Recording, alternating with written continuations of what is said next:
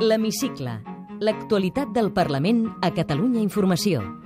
Amb Jordi Corbalan i el muntatge musical de Salva Pou.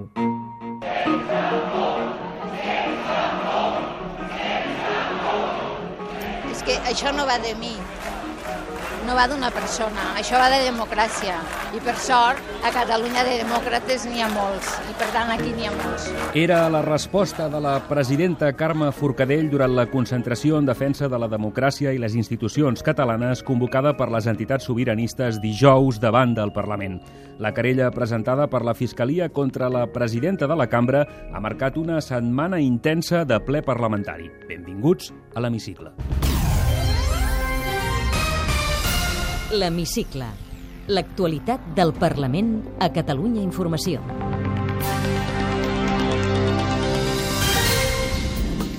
El ple fa el primer pas per anul·lar els judicis sumaríssims a 80.000 represaliats pel franquisme. Jo vinc a salvar la memòria del meu pare.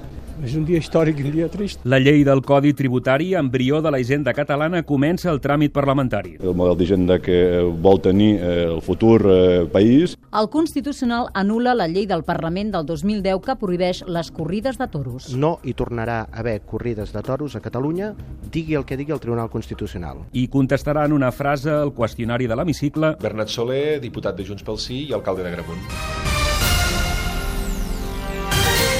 L'activitat de la justícia ha tornat a irrompre aquesta setmana al Parlament coincidint amb el primer ple ordinari del curs. Dimecres, el fiscal superior de Catalunya presentava la querella contra la presidenta Carme Forcadell pels suposats delictes de desobediència i prevaricació per haver permès el juliol passat que el ple debatés i votés les conclusions de la comissió d'estudi del procés. Ho expliquem amb Carme Montero.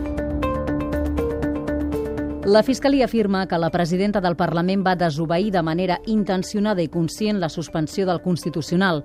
Se l'acusa d'haver impulsat un tràmit il·legítim a la cambra catalana amb total menyspreu a la Constitució, permetent una votació que dinamita el sistema competencial establert en el model d'ordenació territorial de l'Estat. Dinamitar l'Estat per a mi és la corrupció, dinamitar l'Estat per a mi és que suspenguin lleis contra els desnonaments, dinamitar l'Estat per a mi és que coartin la llibertat d'expressió i el dret d'iniciativa dels diputats i diputades d'aquest Parlament. I des de l'oposició, el líder dels populars, Xavier García Albiol, i el portaveu de Ciutadans, Carlos Carrizosa, advertien Forcadell que no es pot continuar saltant la llei. perquè s'ha convertit en un perill, no en aquest cas, en els conductors i els cotxes que venen de front, però sí per al conjunt de la societat catalana que vol viure amb normalitat i amb tranquil·litat.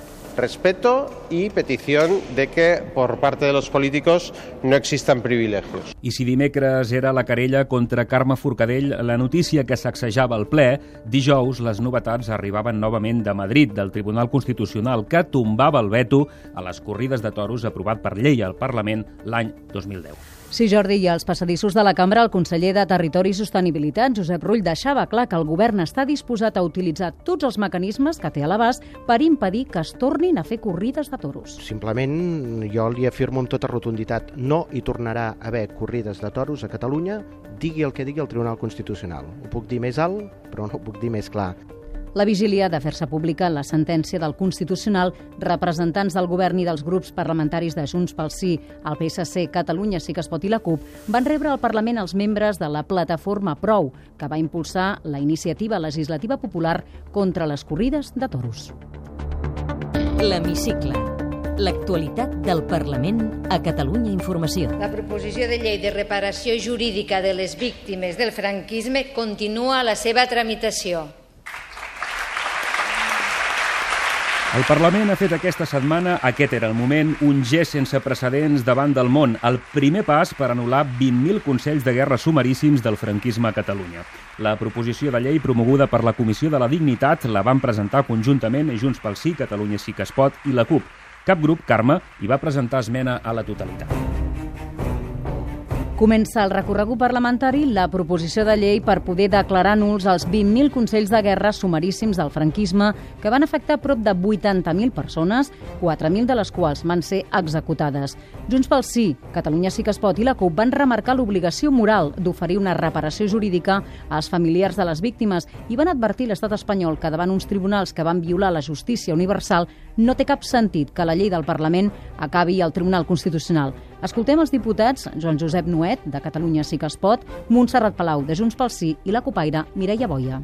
És hora, potser, de que per primera vegada a la història d'Espanya una institució democràtica digui prou i digui que aquells judicis van ser una farsa. En democràcia no podem contemplar que un tribunal constitucional suspengui o impugni una llei que equivaldria a donar validesa a les sentències dels Consells Sumaríssims. Corrin al Tribunal Constitucional, corrin a Europa, si volen també, a dir-los que no, que no volen anul·lar les sentències del feixisme. Vagin. Ciutadans i populars se sumaven a la condemna del franquisme, però apostaven per no remoure el passat. Parlen José María Espejo Saavedra, de Ciutadans, y Fernando Sánchez Costa, del Partido Popular. Todos los grupos de esta Cámara condenamos sin ambajes el régimen franquista, la dictadura franquista y todas sus consecuencias que, como digo, sufrieron familiares de todos nosotros. Reforcem la nostra condemna del franquisme i la nostra reparació, però quin és el límit? Jo crec, de debò, que el camí del futur no passa per tornar a obrir trinxeres i ressuscitar fantasmes. En paral·lel, el Parlament tramitarà una proposta del PSC perquè el Congrés dels Diputats anuli els processos sumaríssims modificant la llei de la memòria històrica del 2007. La proposta, defensada pel diputat Ferran Pedret, inclou un reconeixement als milers de republicans deportats als camps de concentració nazis. Creiem que, per tant, que és de justícia aquest reconeixement, però més creiem que cal provar d'implementar algun mecanisme de reparació per a les persones que, que en van ser víctimes o per als seus eh, hereus o descendents.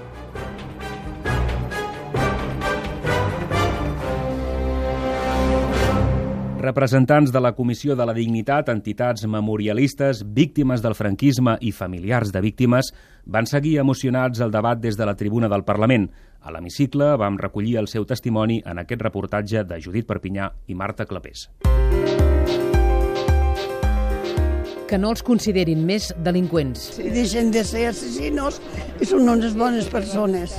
El meu pare era una bona persona, va ser innocent li van donar una pallissa als guàrdies civils perquè ell deia que no havia fet res. Joana Ginepena. Avui encara continuen sent delinqüents, no? No s'han anul·lat els judicis i s'han d'anul·lar perquè van ser injusts i legítims, evidentment. Eh, Montserrat Giné Giné.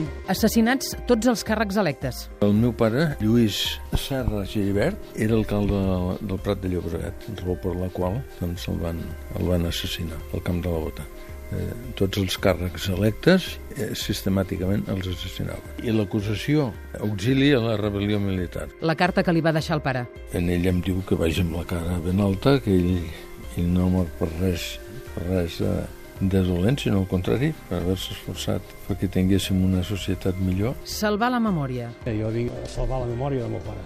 Artur Ribes Esteve, com tants consells de guerra il·legals que es van fer en aquells moments i un va ser eh, el meu pare. És un dia històric i un dia trist. Menyspreats durant la infància. Soc filla de Julià Castelló Grau. Jo tenia 18 mesos quan el van afusillar a les tàpies del cementiri de Girona. Es passa una infància molt malament perquè et despreciaven la gent i pensaves, ostres, el meu pare devia ser molt dolent perquè, és clar eren els dolents. Ara, sort que s'ha destapat, han sortit llibres... No m'avergonyeixo de l'avi. Em dic Esther Llorenç, de l'Associació de Familiars de Represaliats pel Franquisme. Per mi no és cap vergonya que el meu avi va ser jutjat en Consell de Guerra i un home que va defensar la República, que era guàrdia republicà, i per mi és un honor. Però és necessari que aquests Consells de Guerra siguin anul·lats. Aquesta anul·lació ens la deu a l'estat espanyol. Però estem contents que el govern de Catalunya ens la doni. L'Hemicicle. L'actualitat del Parlament a Catalunya Informació. I el ple ha començat el tràmit aquesta setmana per aprovar una de les tres lleis de desconnexió, la de la futura hisenda catalana. Els vots de Junts pel Sí i la CUP van tombar les esmenes a la totalitat que hi havien presentat la resta de grups parlamentaris. És la segona llei de desconnexió que comença el recorregut parlamentari després de la de l'Agència de Protecció Social. La proposició de llei que engloba els tres primers llibres del Codi Tributari és el primer tram del cos legislatiu per posar en marxa la futura hisenda pròpia dibuixa com serà l'administració tributària que en el futur haurà d'assumir la gestió de tots els tributs. El popular Enric Millo i Antonio Espinosa de Ciutadans feien aquest advertiment al president i al Parlament. No cal que li expliqui quin pot ser el resultat final de tanta heroïcitat. Vostè ja ho sap. L'expresident Mas també y la presidenta Forcadell también. Un nuevo intento de victimización cuando se produzca la inevitable y segura impugnación y posterior resolución del Tribunal Constitucional. Junts pel Sí i la CUP defensaven el text assegurant que no els fan por aquests advertiments. Sentim Maria Sense Ric, de Junts pel Sí, i Eulàlia Reguant, de la CUP. Posem els fonaments a una estructura d'estat. No, no tenim por. Nosaltres sí que hem dit que això té a veure d'alguna manera i està relacionat amb la resolució 1 barra 11. Sí, cap problema. El PSC acusava Junts pel Sí la CUP d'haver estat poc valents amagant les seves intencions i Catalunya sí que es pot advertia que no permetran una hisenda al servei de les grans fortunes. Parlen la diputada socialista Alicia Romero i el diputat de Sí que es pot, Albano Dante Fachin. Però siguin atrevits, si vostès el que volen realment és fer un estat i tenir unes lleis pròpies per un estat independent, siguin valents i no ho són en aquesta llei. Li podeu dir estructura d'estat, li podeu dir com vulgueu, però el Consell Fiscal no és res més que fer una hisenda als serveis de les grans corporacions que no volen pagar impostos.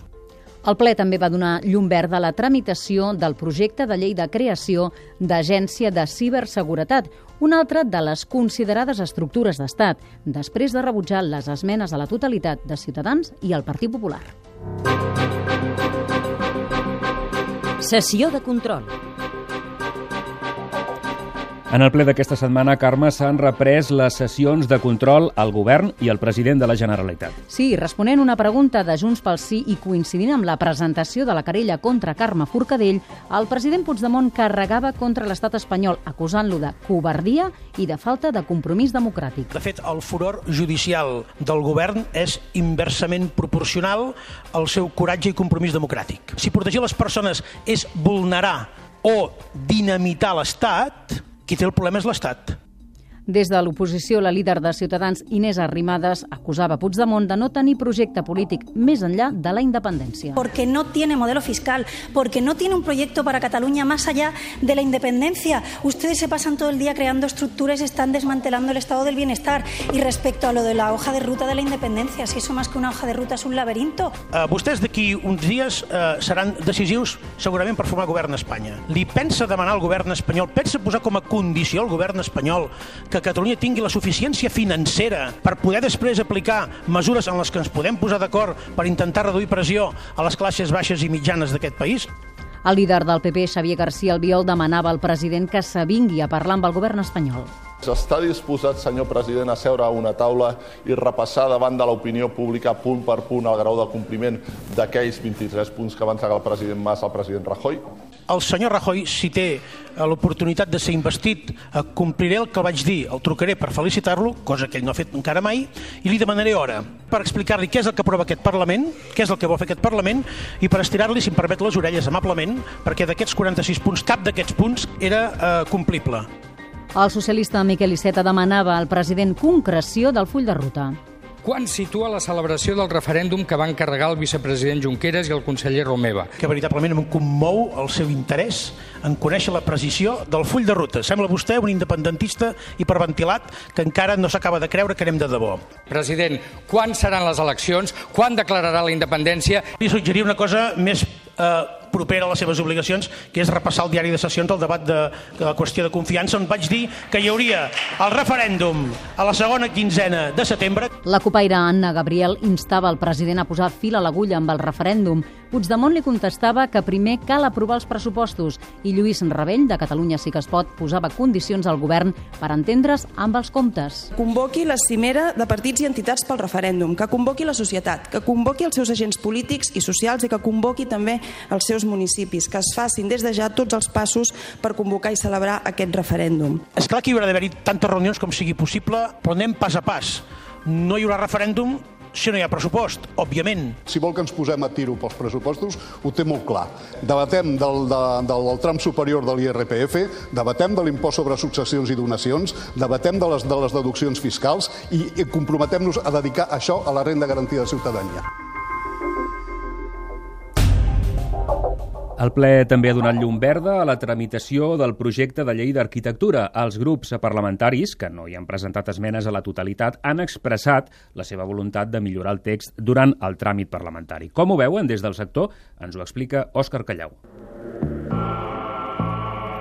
És una llei que des del Col·legi d'Arquitectes i d'altres institucions que estem plantejant des de fa temps, en la línia d'algunes altres països europeus i d'alguna directiva europea, que permeti incorporar a la legislació, en aquest cas catalana, el valor de la qualitat arquitectònica. És Lluís Comerón, degà del COAC, Col·legi d'Arquitectes de Catalunya, una institució professional que va impulsar el projecte de llei i ha col·laborat en la redacció. Curiosament, en la legislació ni catalana ni estatal eh, hi ha una sola línia que posi de manifest el valor que té per tota la ciutadania, el valor que té per la societat tenir bona arquitectura, construir de forma el millor possible les ciutats. La llei regula prioritàriament les obres arquitectòniques del sector públic.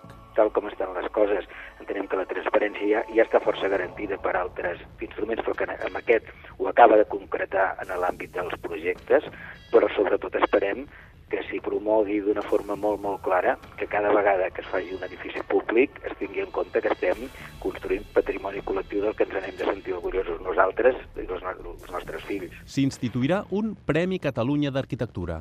És bo que l'administració catalana reconegui a través d'un guardó el valor de l'arquitectura. També es crearà un Consell de Qualitat Arquitectònica de Catalunya en aquests moments no hi ha cap altre instrument dins de l'àmbit de la Generalitat de Catalunya que vetlli d'una forma transversal per la qualitat arquitectònica.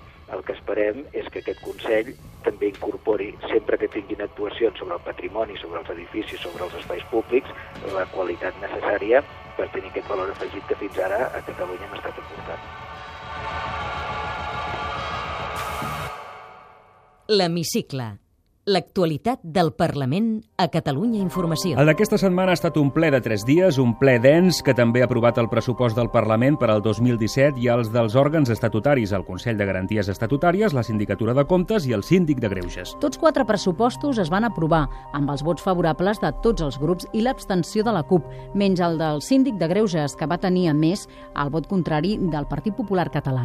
El projecte de pressupost del Parlament és de 53 milions i mig d'euros, un 3, 3,2% més que el 2015. També s'han aprovat, Carme, diverses mocions. En destaquem una, la que insta el govern a reduir pel pròxim curs les taxes universitàries un 30%. Sí, per compensar els centres per la rebaixa de les taxes, la moció planteja incrementar un 19% les transferències a les universitats públiques. El text presentat pel PSC es va aprovar amb el vot en contra de Junts pel Sí. En una altra moció presentada per la CUP, el Parlament aprovava estudiar la inclusió de les persones nascudes a Catalunya residents a l'Estat al registre de catalans catalans a l'exterior. L'objectiu és que puguin participar de forma plena en les eventuals eleccions constituents i altres iniciatives refendàries convocades pel govern i la cambra catalana. La moció demana també al govern que elabori un pla per atendre els ciutadans que viuen a l'estranger i la implantació del vot electrònic. I la plataforma Pobresa Zero denunciava dilluns l'incompliment dels acords del ple d'emergència social del març passat al Parlament. La plataforma va llegir un manifest a la cambra catalana coincidint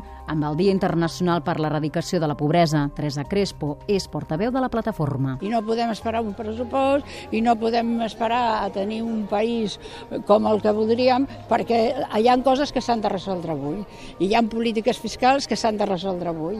I hi ha polítiques de redistribució que s'han de resoldre avui. Té la paraula. Soc Bernat Soler, diputat de Junts pel Sí i alcalde de Gramunt en una frase. Com definiria el curs polític que tot just ara acabem de començar? Eh, apassionant. Com creu que l'acabarem? L'acabarem amb, amb el que el poble demana. Referèndum o referèndum? Referèndum, sí o sí. I mentrestant, eh, com es garanteix la justícia social? La justícia social es garanteix amb un bon govern tal com estem executant. Què li aporta la seva experiència d'alcalde al Parlament? Doncs aquesta visió municipal i la proximitat amb la gent.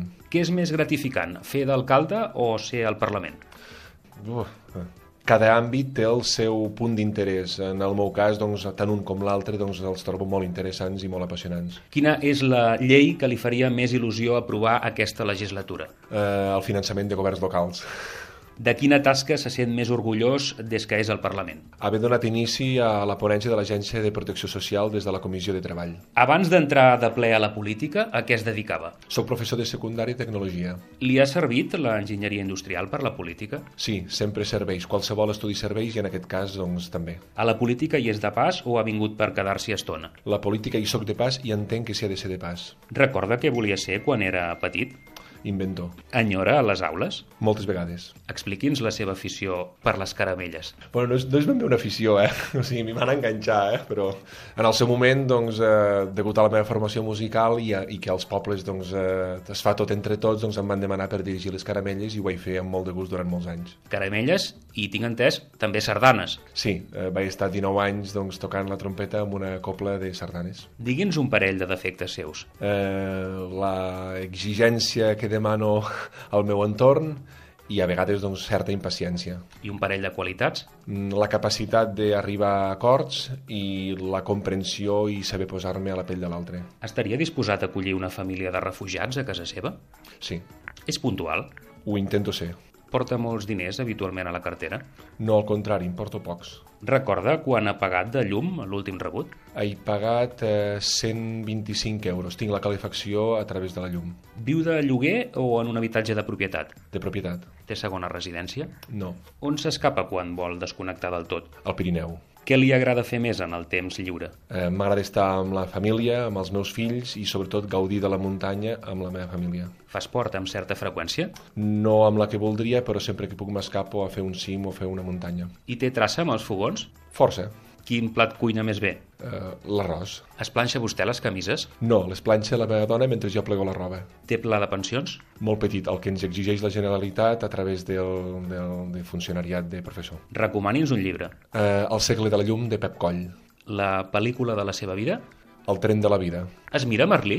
No, perquè tinc junta de govern local. Ja no li pregunto, doncs, si se sent identificat amb algun dels seus personatges. Uh, força, m'agrada tal, tal com està plantejat la sèrie, tot i que hi ha certs estereotips. Quina cançó posaria la banda sonora de la seva vida? País petit de Lluís Llach. A banda del torró i de la xocolata de pedra, per què hem de visitar Gramunt? Doncs per tot el patrimoni arquitectònic i artístic que tenim, Fundació Espai Guinovar, Fundació Viladot, la Portalada de Santa Maria i la gent. Som gent molt acollidora. Quina és la seva màxima? Mm, responsabilitat. Bernat Soler, alcalde de Gramunt i diputat de Junts pel Sí. Gràcies per ser a l'hemicicle. A vosaltres.